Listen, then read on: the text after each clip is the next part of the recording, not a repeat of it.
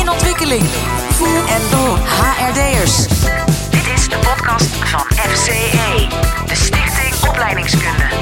FCE On Air. Met Pieter-Jan van Wijngaarden. Acquisitie, dat kun je letterlijk vertalen met het werven. En in ons vakgebied gaat het dan over het werven van werk. Als intern adviseur wil je soms eh, initiatief nemen. Eh, zie je misschien dingen in je bedrijf of je instelling en denk je van hé, hey, daar moeten we echt aan werken. En als externe adviseur is het natuurlijk ook belangrijk om te acquireren, omdat jouw inkomen daar gewoon van afhankelijk is. In deze podcast eh, zoomen we in op acquisitie, op het werven van werk. Mijn naam is Pieter Jan van Wijngaard. Ik ben werkzaam als ontwerper en begeleider ehm, bij Kessels Smit, de Learning Company. En bij mij aan de virtuele tafel zit Jeroen Hellings. Hij is mijn collega van de Learning Company en ook begeleider van de AOLO, dat is de leergang adviseren en ontwerpen van leren in organisaties eh, van de FCE. En Xara ten Hoor en Hein Bakker. Zij zijn net begonnen met de minor psychologie van leren en ontwikkelen aan de Hogeschool van Amsterdam. FCE. Stichting Opleidingskunde. Hey Xara, wat leuk dat je met die minor eh, begonnen bent. Wat, uh, wat sprak je er eigenlijk in aan? Waarom start je met zo'n minor? Ja, um, uh, ik doe zelf de opleiding HRM. En ehm, ik vind de psychologische kant van HR vind ik heel leuk. En dat interesseert mij heel erg. En ik dacht dat deze minor daar goed bij zou aansluiten. Dus vandaar eigenlijk. Superleuk. En Hein, jullie hebben net de startactiviteiten volgens mij achter de rug. Die zijn net uh, nou, een week of twee geleden begonnen. Volgens mij uh, tevreden tot nu toe. Uh, stemt het je een beetje positief? zeker, ja. Het is heel erg interessant. we hebben nu de eerste kennismaking met, met de hele groep gehad van de minor. En um, ja, we hebben de eerste, ja, eerste workshop over acquisitie hebben gekregen. Dus uh, ja, tot nu toe bevalt het erg goed. Mooi. Ook uh, nieuwe mensen willen leren kennen, of niet? Als ik het goed begrijp. Zeker, ja, 100%. Want jullie zitten nu heel gezellig samen in een schermpje. Uh, kenden jullie elkaar voor deze minor ook al? Of, nee, nog helemaal niet. Oh, kijk eens aan. Nou. Hartstikke goed. Nieuwe contacten weer. Jeroen, jij bent HRD-adviseur. Je werkt momenteel aan een nieuwe versie van het ontwerpboek. en je bent volgens mij ook oud-student bij de HVA. vertel eens, hoe gaat het? Ja, het gaat goed en inderdaad hartstikke leuk. Ik studeerde heel wat jaren geleden Human Resource Management aan de hogeschool. Dus ik zie uh, de achtergrond van Xara en Hein en dan herken ik het gebouw waar, uh, waar ze zitten nog helemaal. Dus het is hartstikke leuk. En inderdaad, het ontwerpboek zijn we mee bezig. Dus een groot deel van mijn vak gaat over ontwerpen van leerinterventies, grote trajecten. En dat doe ik dan met een paar collega's die dat ook hebben. En wij vinden het gewoon ontzettend mooi om een soort praktijkverhalen, cases naar boven te halen van de mooiste ontwerpen die een aantal van onze vakgenoten hebben gemaakt. En die bundelen we dan uh, in een boek om eigenlijk uh, nou ja, het laatste ontwerp nieuws of de laatste ontwerpactiviteiten te delen met de rest van het vakgebied. Nou, we zijn heel benieuwd, Jeroen. we zitten nu aan tafel om het te hebben over acquisitie of het maken van werk.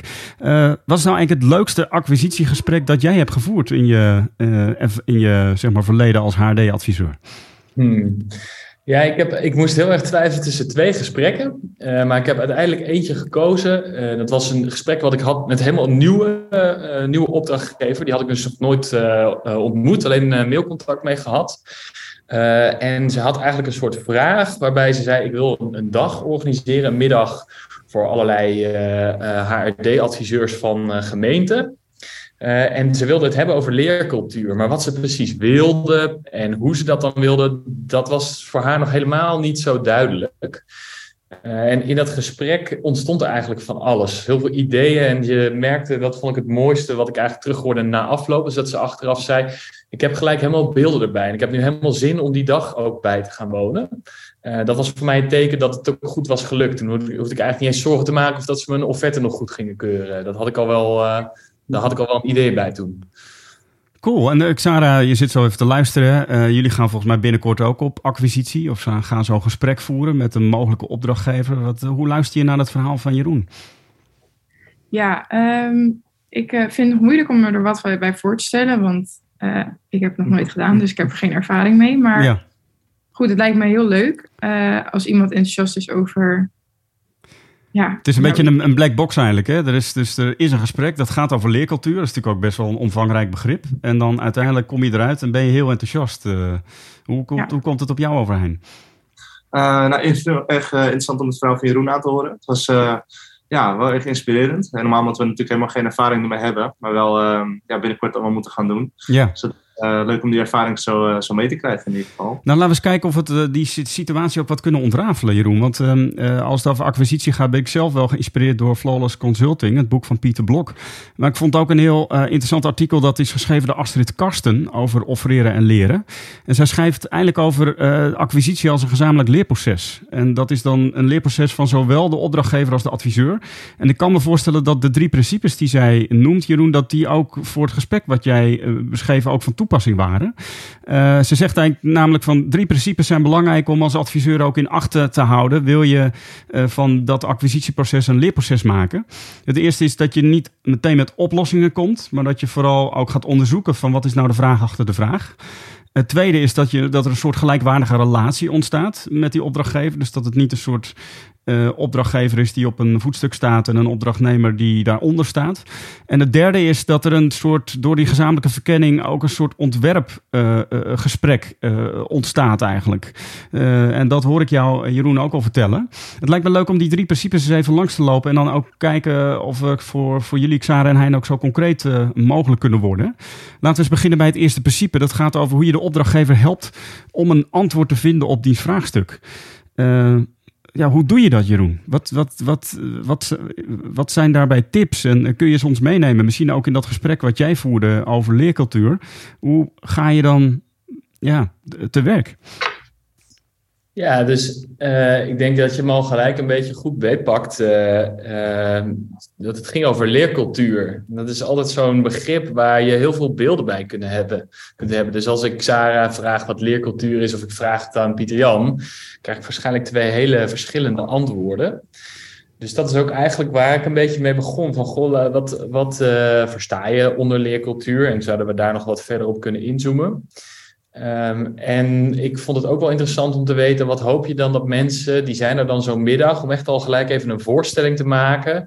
Wat hoop je dan dat die mensen, als ze dan die hele middag hebben doorlopen, en ik heb daar een programma gedaan, we hebben daar van alles ingestopt, ja, wat ze dan gaan doen daarna met wat wij uh, in dat programma stoppen. Gaan ze dan iets anders doen in hun eigen werk, of gaan ze iets vertellen? Of nou ja, dus om eigenlijk al gelijk een beetje met het einde voor ogen te beginnen.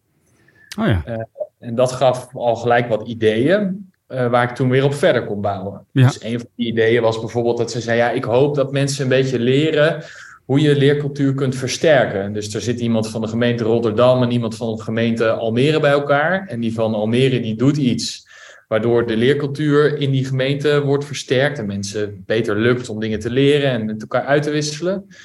Uh, en dan hoopt ze dat die van de gemeente Rotterdam daar ook iets mee kan, uiteindelijk, in zijn eigen situatie. Nou, dat verklapt voor mij al een paar dingen waar zo iemand dan naar op zoek is. Dan denk ik van, oh ja, dan moeten ze met elkaar uh, in gesprek. En we moeten dan kijken of we wat naar boven kunnen halen over wat goed werkt.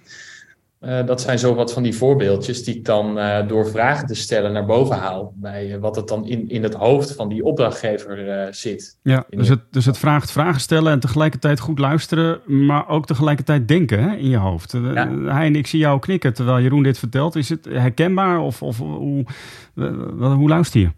Um, nou ja, sowieso met gesprekken voeren heb je natuurlijk heel, um, je zit natuurlijk heel duidelijk luisteren en zo ook echt uh, inzoomen op hetgene wat er gezegd wordt. Um, alleen ik was eigenlijk wel benieuwd, wat voor vragen stel je dan bijvoorbeeld aan zo iemand? Hoe kun je yeah. dat gesprek tussen hun dan uh, vorm gaan geven? Ja, ja dus uh, een van die vragen die ik dan altijd heel veel mooi vind helpen, dat noemen wij ook wel eens de filmvraag is dat ik dan zeg, stel we hebben die middag uh, met elkaar doorlopen. We hebben een heel mooi programma neergezet en dat is ook heel effectief geweest. En ik ga vervolgens een soort filmpje maken van die mensen als ze weer terug zijn op hun werk. -hmm. Wat zie je ze dan doen op dat filmpje? Dus ik ga die meneer die vanuit Rotterdam kwam, die gaat weer naar zijn Rotterdamse werkplek, zijn kantoor. Ja, wat zie ik die meneer dan, dan doen? En toen beschreef zij bijvoorbeeld iets over dat ze dan met collega's, dat hij in gesprek gaat over uh, hoe ze misschien nog wat aanpassingen konden doen in uh, de leerinterventies of het aanbod wat ze hebben. En dat ze misschien, dat hij nog eens belt met iemand van een andere gemeente. Dat had er zo wat, wat voorbeelden bij. Wat mij dan helpt om te kijken van naar wat, welke resultaten werken we eigenlijk. Dat is, de filmvraag is dan een van die goede, goede vragen, vind ik altijd. En soms ook gewoon uh, nieuwsgierig zijn naar wat elementen die iemand nou, je, je, eigenlijk aanreikt in dat gesprek. Hè? Dus bijvoorbeeld, ze heeft het over, ja, ik wil het hebben over leercultuur. Dan ga ik al heel erg aan op dat woord waarvan ik dan denk, ik kan nu aannemen dat ik weet wat leercultuur is en dat zij dat ook weten en dat we daar samen hetzelfde over denken. Maar ik probeer dat dan toch wat verder uit te pleiten door gewoon te vragen, goh, wat versta je onder leercultuur? Heb je misschien een voorbeeld van een, hoe een goede leercultuur eruit ziet? Mhm. Om een beetje af te bakenen waar we het wel en niet over hebben samen. Tof, ja, Ja. heel graag. Is dat iets, eh Xara, wat jij graag doet? Vragen stellen? Of? Ehm, niet per se. Niet, eh, Of, kom, of kom, je, kom je liever met oplossingen? Dat kan natuurlijk ook. dat, eh, ik denk dat dat wat meer voor mij is. Maar Ja. Nou, het leuke is, ik hoor Jeroen Maar- wel, wel beide eigenlijk doen. Hè? Dus het is ook weer niet, Jeroen, dat je helemaal niet met oplossingen komt of zo. Je bent ook niet weer een interview aan het houden, maar je bent door wat je terug hoort, geef je ook wel eh, oplossingsrichtingen aan, volgens mij. Hoe hoor jij dat, Xara?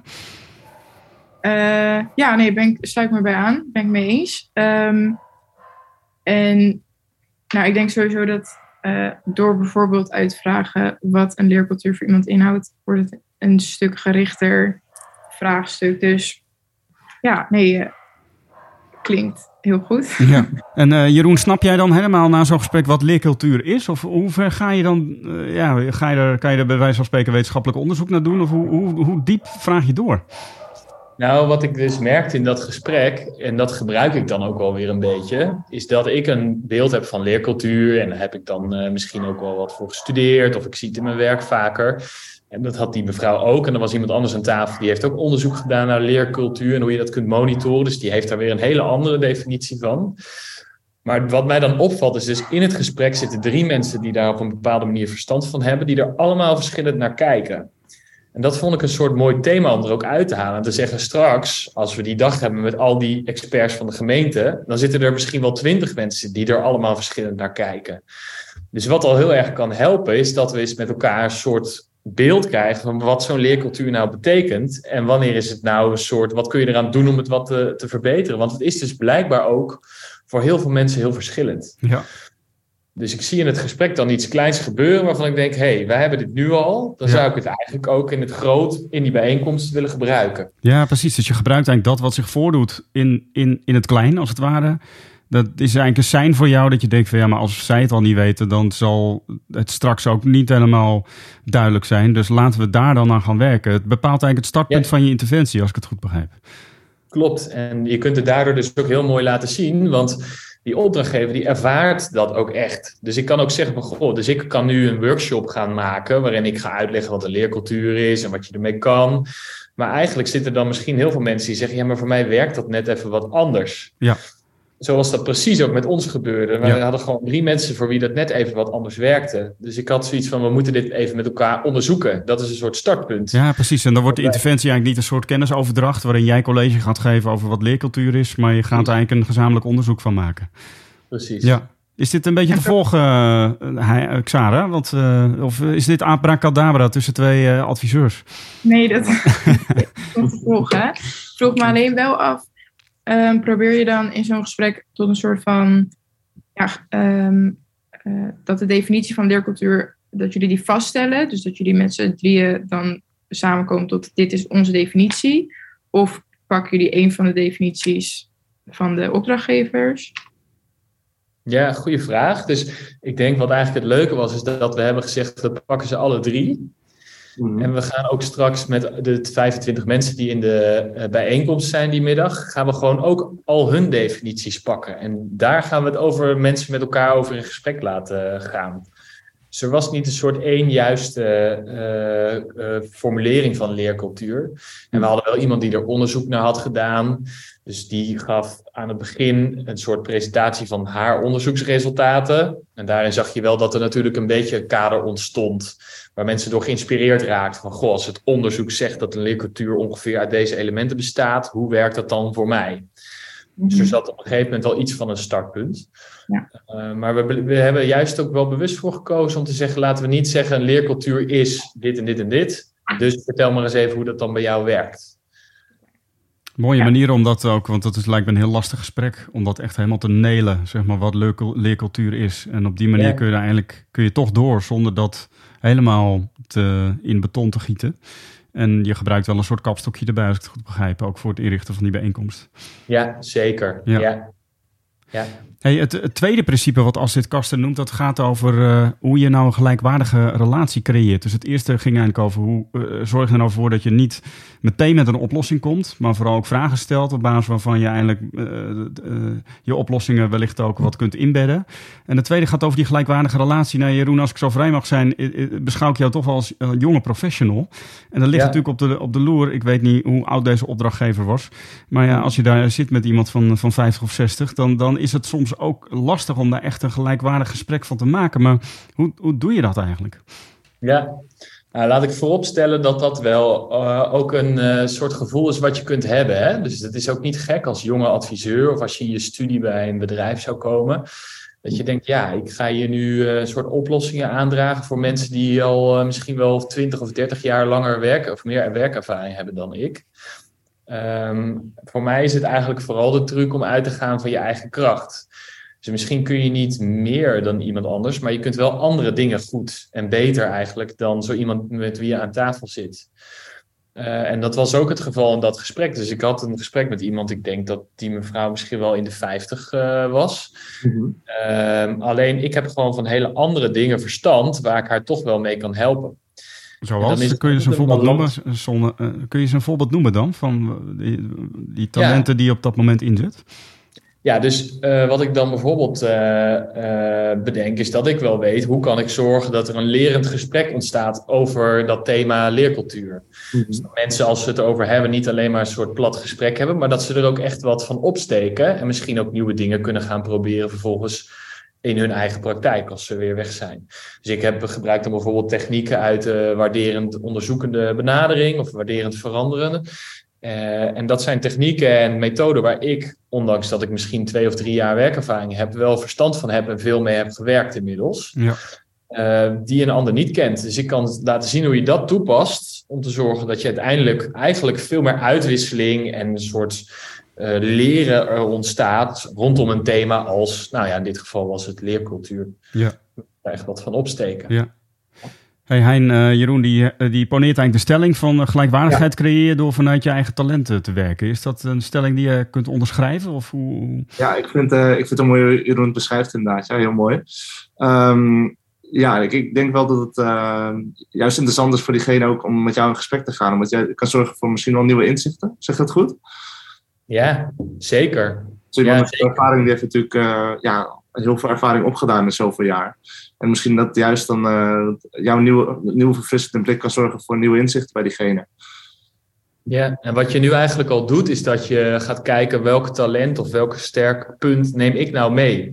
Mm-hmm. Waar zit mijn meerwaarde? En voor jou is dat volgens mij, en dat zeg je heel sterk als student, ik heb een frisse blik. Dus ik ben nog niet uh, beïnvloed door twintig jaar in een bepaald bedrijf uh, werken of in een bepaalde branche.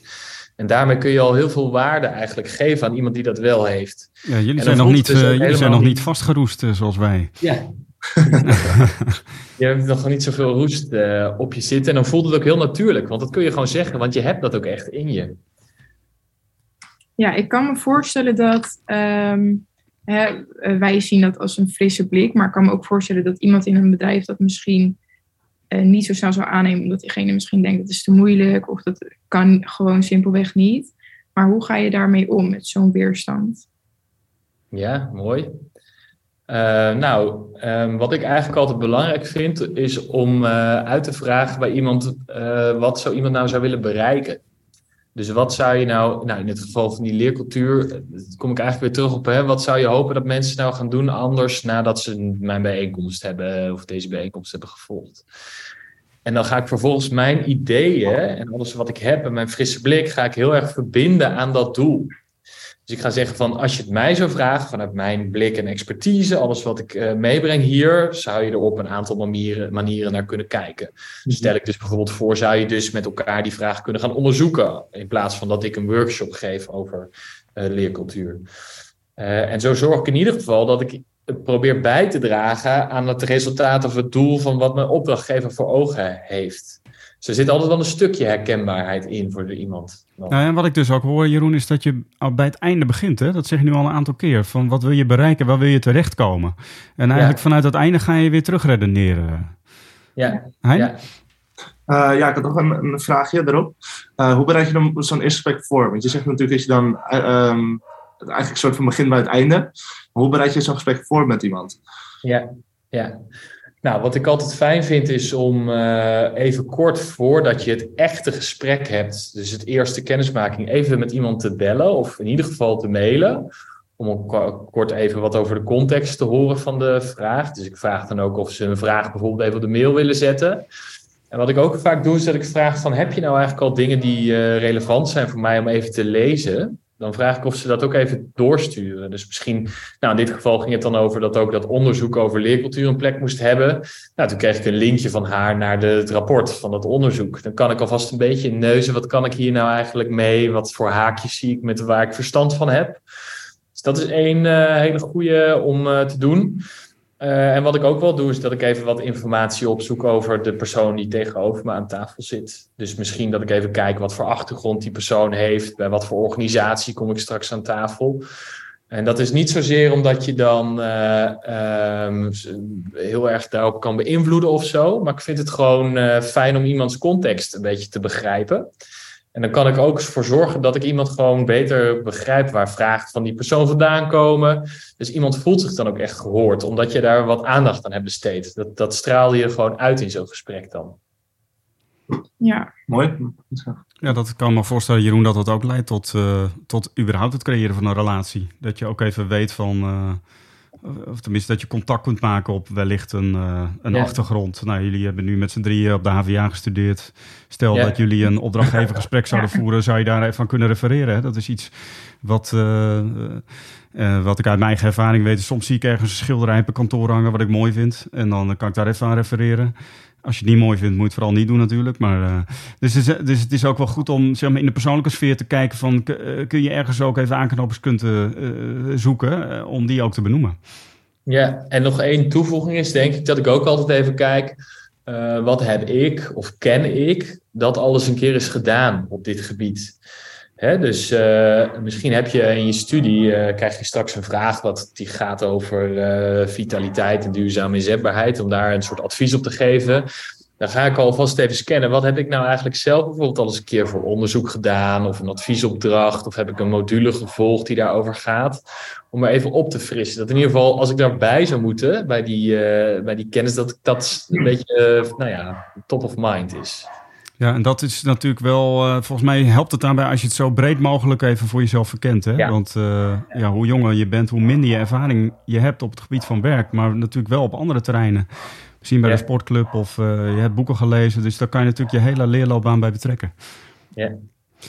Hey, zullen we naar het derde principe gaan? De, uh, we volgen even die drie principes uit het artikel van Astrid Kasten. Het eerste ging eigenlijk over hoe kun je nou uh, ervoor zorgen dat je vooral vragen stelt en het uh, gaat onderzoeken in plaats van meteen met een oplossing te komen.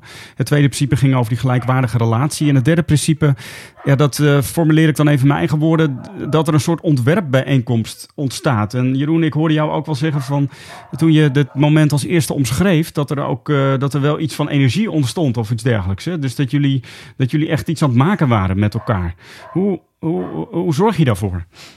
Ja, nou, dat zijn sowieso mijn favoriete acquisitiegesprekken. Als we eigenlijk gelijk al uh, iets gaan maken. Want zo'n acquisitie is vaak een soort samenwerking in het klein. Die je later in dat traject heel veel groter gaat hebben. Dus het is ook voor mij een mooi een moment om te zien. Vind ik het fijn samenwerken met zo iemand. Als we dat al gaan doen. Uh, en eigenlijk hoe je het kunt doen is volgens mij door op een gegeven moment ook te zeggen: ik ga niet alleen vragen stellen, maar ik ga ook uh, twee verschillende dingen doen. Dat is één, dan deel ik wat reflecties. Dus ik uh, zeg van wat hoor ik nou eigenlijk terug en hoe, hoe, wat, hoe duid ik dat vanuit mijn kennis en expertise. Dus bijvoorbeeld, ik hoor je nu iets zeggen over leercultuur, maar het valt mij op dat wij daar alle drie verschillende beelden over hebben. Dus dan geef ik dat terug. Nou, dat kan wel een haakje zijn om echt ideeën te gaan ontdekken. Uh, en wat ik ook wel doe, is gewoon verschillende. Een collega van mij noemt dat wel eens proefballonnetjes oplaten. Dus ik ga zeggen, nou, wat ik nu bijvoorbeeld kan doen, is dat ik mensen elkaar laat interviewen. Maar een andere optie zou kunnen zijn, is dat ik eerst een korte presentatie geef. Uh, en vervolgens ga ik kijken op welk spoortje wat ik aanreik mijn opdrachtgever nou aangaat. Dus waar voelen ze energie voor en zit iets en wat misschien wat minder. En door dat te doen, begin je eigenlijk gelijk al te ontwerpen. Dan ga ik niet vervolgens, als ze zeggen van nou, ik ga aan op interviewen, dat ik dat merk en dat ze daar ideeën bij krijgen, dat ik dan gelijk weer door ga met oplossingen. Maar dan ga ik misschien weer wat meer vragen stellen over hoe het zou kunnen zijn als mensen elkaar dan interviewen, uh, noem maar op. Dus dan maak ik een klein ontwerpstapje, dan ga ik weer even onderzoeken en dan ga ik gewoon weer door ontwerpen met ze. Ja, ja en hoe merk je dan dat ze daarop uh, op aangaan? Hoe, uh, hoe merk je dat in het gesprek? Misschien een lastige vraag, maar... Nee, dat is denk ik eigenlijk heel makkelijk te merken. Dus wat je vaak ziet is mensen, je kunt het sowieso non-verbaal zien. Dat mensen gewoon wat actiever uh, uh, worden, is mijn ervaring. Zelfs als ze aan de andere kant van het scherm zitten, zie je dat nog wel. En het roept vaak gewoon goede ideeën, roepen meer ideeën op. Mhm. Dus als ik, ik een idee heb wat aanslaat en, ik, uh, en ik, ik leg dat op tafel, dan gaan mensen daarop door associëren. En dan zeggen ze, oh ja, want heb ik nog eerder heb ik dat ook daar gedaan. Of misschien is deze interviewvraag dan leuk. Of ja, dit zie ik helemaal voor me, want dan zie ik dat dit gebeurt. Uh, dus je merkt gewoon dat, er, uh, dat het gaat stromen in het gesprek dan. Ja, mensen gaan soms anders zitten uh, of uh, gaan er gewoon inhoudelijk op door. En uh, Jeroen, het vereist ook wel dat als je af en toe proef, proefballonnetjes oplaat die niet zo omhelst worden, dat je daar ook wel even, dat je dat niet te erg binnen laat komen. Hè? Dus ja. je kan natuurlijk ook denken van, nou, dit is een oplossing en ik doe het blijkbaar niet goed genoeg of iets dergelijks. En dan praat je zelf natuurlijk een beetje in de put. En dat ja. is wel goed om dat te voorkomen. Ja, dat klopt. En uh, dat is ook wel een, uh, een valkuil of iets wat ik herken vanuit uh, mijn, meer het begin van mijn carrière toen ik die gesprekken deed, zo de eerste paar, dat je dan op een gegeven moment ook denkt, ja, ik heb nu eigenlijk twee oplossingen waar ik aan denk. En dat je ze allebei een kans geeft en dat je er eigenlijk weinig op terugkrijgt. Hè? Dat je nog net niet helemaal het goede hebt. Maar wat dan ook kan helpen, is gewoon vertellen van, goh, ik merk dat we misschien nog net met de twee opties die ik aanreik niet helemaal het juiste uh, raken. Als je zo die twee oplossingen hoort en je weet, dit is het nog net niet helemaal, zouden we eens samen kunnen denken over wat dan nou ja, wel misschien een goede richting kan zijn. En dan leg je hem ook weer even terug bij de ander, ja. die misschien een heel goed idee geeft waar jij weer op verder kan. Dus je moet ook zorgen dat je die ontwerpenergie soms even nou ja, bij verschillende plekken aan tafel uh, legt. Ja. Nou, en ik hoorde je ook zeggen van mijn meest favoriete gesprekken zijn die gesprekken waar ook echt een ontwerp ontstaat. En daarmee meen ik ook even te horen dat het gebeurt ook niet altijd. Dus het nee. is ook, dat zijn wel echt de leukste. En dan uh, zou ja. je misschien een 9 of een 10 voor geven. Maar je hebt natuurlijk ook gesprekken met een 7 of een 8. Waarin je wel ja, het idee hebt, hey, je zit wel toekomst in, maar we zijn er nog niet helemaal. Nou, ik heb zelfs zelfs gesprekken gehad waarbij iemand zei, maar dit is echt totaal, volgens mij gaan we helemaal de verkeerde kant op. En toen zei ik, oké, maar dan moeten we wel even terug naar de tekentafel. En toen ben ik gewoon met een collega samen wat verder gaan uh, uh, ontwerpen. Hebben we ook gewoon af en toe even heel kort, tien minuten gebeld met die persoon of een beetje in de goede richting waren. En toen hebben we een soort geüpdate voorstel uh, uiteindelijk gepresenteerd, waar iemand weer helemaal op aanging.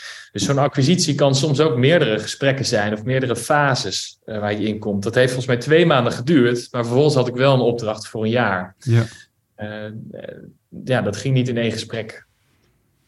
En ik kan me voorstellen dat als je, je wilt niet uh, al je tijd en energie in, een soort van de verkeerde richting stoppen. Dus wat is dan goed om aan te houden aan een aantal momenten per week of per maand dat je even je ideeën terugkoppelt aan de opdrachtgever? Ja, ja, dus ik uh, ben er altijd wel voorstander van. Uh, kijk, om heel concreet te zeggen, vijf of tien momenten, dat is moeilijk natuurlijk om daar iets van te maken. Maar ik ben altijd wel voorstander om veel contact te houden met je opdrachtgever. Dus ook gewoon, want dan laat je ook zien dat jij ermee bezig bent. Dus iemand voelt ook dat, dat het jou wat doet, die vraag, dat, je dat, dat het je bezighoudt. Uh, en ik vind het wel altijd fijn om dan te zorgen dat je wat inzichten die je hebt en hebt verwerkt, dat je die bundelt. Dus elke keer als je opdrachtgever spreekt, dat je ook echt daadwerkelijk iets nieuws te vertellen hebt. Ja. En dan is soms het kleine contact, maar wel continu, helpt om als je dan uiteindelijk je eindpresentatie geeft van dit is mijn voorstel wat het nu wordt, dan heeft hij dan al steeds kleine snapshots van gezien. Uh, dus het helpt ook om het dan wat beter te laten landen soms. Oké, okay, duidelijk. Dankjewel. Hey Hein, je gaat volgens mij aan het einde van de week of uh, zeer binnenkort ga je zelf op pad geloof ik om zo'n gesprek te voeren. heb je er een beetje zin in, zo na, na, na dit gesprek? Zeker, ja. Het is, uh, Jeroen zorgt wel voor nieuwe inzichten in ieder geval. Waar je ook tijdens het uh, gesprek rekening mee kan houden. Uh, maar we zijn nu echt nog in een, uh, een beginstadium. Dus we zijn nu bezig met LinkedIn-boos schrijven om opdrachtgevers te zoeken. Ja. En ja, dus echt een beetje kijken wat voor opdrachtgever we willen hebben en wat er belangrijk bij is. Dat is voor ons deze week nog het, het hoofdthema eigenlijk. Ja, precies. Je bent ook nog echt op zoek naar een opdrachtgever. Ja, ja. ja. klopt. Ja. En zijn er nog losse eindjes wat jou betreft, Xara? Zijn er nog vragen? Of is er, die zou ik nog wel eventjes willen voorleggen. Um... Ja, de, ja, sorry. We waren heel even goed. um, wij zijn nog wel benieuwd naar wat zijn echt absolute no-go's tijdens een gesprek. Wat kunnen we echt niet uh, zeggen of doen? Nou, Jeroen, uh, brand los. Wat is absoluut verboden? nou, wat ik altijd prettig vind, is om heel dicht bij jezelf te blijven. Uh, dus wat ik zou, nou afraden is om een soort beloftes te gaan doen of je veel groter voor te gaan doen dan je bent. Maar hou er wel rekening mee dat je al heel wat bent. Dus je neemt al heel wat mee. En daar mag je best gewoon zelfverzekerd over zijn. Maar je hoeft niet te zeggen dat jij ervaring hebt met iets wat je nog nooit van gehoord hebt. Dus dat vind ik altijd uh, uh, een belangrijke. Dus authenticiteit uh, eigenlijk, hè, zeg je. Of eerlijkheid. Ja. Dat je gewoon ook. En, en daarbij eerlijkheid gaat twee kanten op. Dus jezelf niet kleiner maken dan je zelf bent. Maar zeker ook niet dingen beloven of toezeggen die je nog niet hebt gedaan. Want juist ook soms heeft een frisse blik dus ook zoveel toegevoegde waarde. En is het juist fijn om iemand te hebben die er helemaal fris en open in staat. Hè? Ja. ja, dus dat is één punt. En wat ik ook echt nog wel een belangrijke vind, is dat je ook zelf kritisch moet zijn of je wilt samenwerken met de persoon met wie je het verkent. Dus als het voor jou voelt als een opdracht die helemaal niet past bij wat je goed kan, of die misschien een opdrachtgever is waar je helemaal geen match mee hebt, uh, dan zou je ook wel kunnen bedenken: is het dan wel een klus, is het dan wel professioneel van mij om hiermee aan de slag te gaan? Dus het gaat twee kanten op, zeg je. Een, uh, een acquisitiegesprek is uh, wederzijds. Nou, dat was ook het tweede principe van Astrid. Maar je zegt ook van het is ook een wederzijdse verkenning. En dus ook voor jou als ontwerper of adviseur om te checken van hey, heb ik hier een beetje zin in? Vind ik het leuk? Ja. ja. Want je moet het uiteindelijk toch gaan uitvoeren. Dus het is wel is het voor allebei ja. uh, aantrekkelijk. Dus een no-go ja. is ook dat je dingen gaat doen die je niet wil. Ja. ja, als je voelt dat het gewoon niet goed zit en dat je het toch gaat doen, dan weet je eigenlijk dat het misschien niet iets voor jou is. Wat niet hoeft te zeggen dat je het dan vervolgens helemaal niet doet, maar misschien is er wel een studiegenoot van jullie, of in mijn geval een collega, die daar veel beter passend bij ja. is. En dan uh, zou je nog kunnen kijken of je iemand toch kan helpen op die manier. En eigenlijk help je zo iemand dan nog beter dan dat je het zelf zou gaan doen. Ja. Mooi antwoord. Ja, ja duidelijk. Dankjewel. Ja. Andere vragen nog, Hein? Of... Jullie um, hebben een mooi lijstje volgens mij daar. Uh... Ja, zeker. ik zit even te kijken hoor. Um, ja, als je kijkt naar de opdrachtgever, um, ik kan me voorstellen dat je met best wel verschillende functies dus in contact komt. Um, moeten wij nog ergens op letten met, met het ik moet kiezen van een opdrachtgever uh, qua persoon en misschien diegene uh, zijn kennis of tijd? Uh, zijn er nog bepaalde factoren om rekening mee te houden? Ja. Nou, ik uh, zou eigenlijk zeggen dat je inderdaad zo gelijkwaardig mogelijk, maar met respect dat gesprek ingaat. Dus ik zeg bijvoorbeeld eigenlijk vrijwel nooit u tegen iemand, of ik in ieder geval als ik het idee heb dat dat echt misschien een ding zou kunnen worden, dan kan ik het nog checken. Hè? Vind je, vind, is het goed als we je zeggen? Uh, maar daar probeer ik al heel snel gelijkwaardigheid uh, in te krijgen.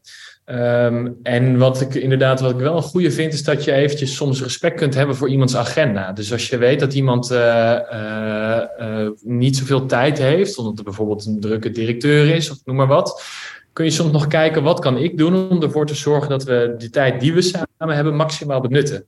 Dus in plaats van dat we uh, bij mij afspreken, kan ik naar die persoon toe. Kan ik al iets voorbereiden of iets lezen, zodat we in het gesprek niet meer mij uitgelegd hoeft te worden hoe iets werkt. Uh, kan ik misschien zorgen dat ik in plaats van dat ik uh, een uur van iemands tijd neem, bijvoorbeeld drie keer tien minuten bel terwijl iemand onderweg is. Allemaal van dat soort dingen. Dus even aansluiten kan soms helpen om uh, uh, nou ja, net even iets meer respect te hebben voor iemands agenda. En daarbij moet je soms ook gewoon uh, de tijd nemen die je nodig hebt om zelf goed werk te doen. Want je gaat wel iemand helpen.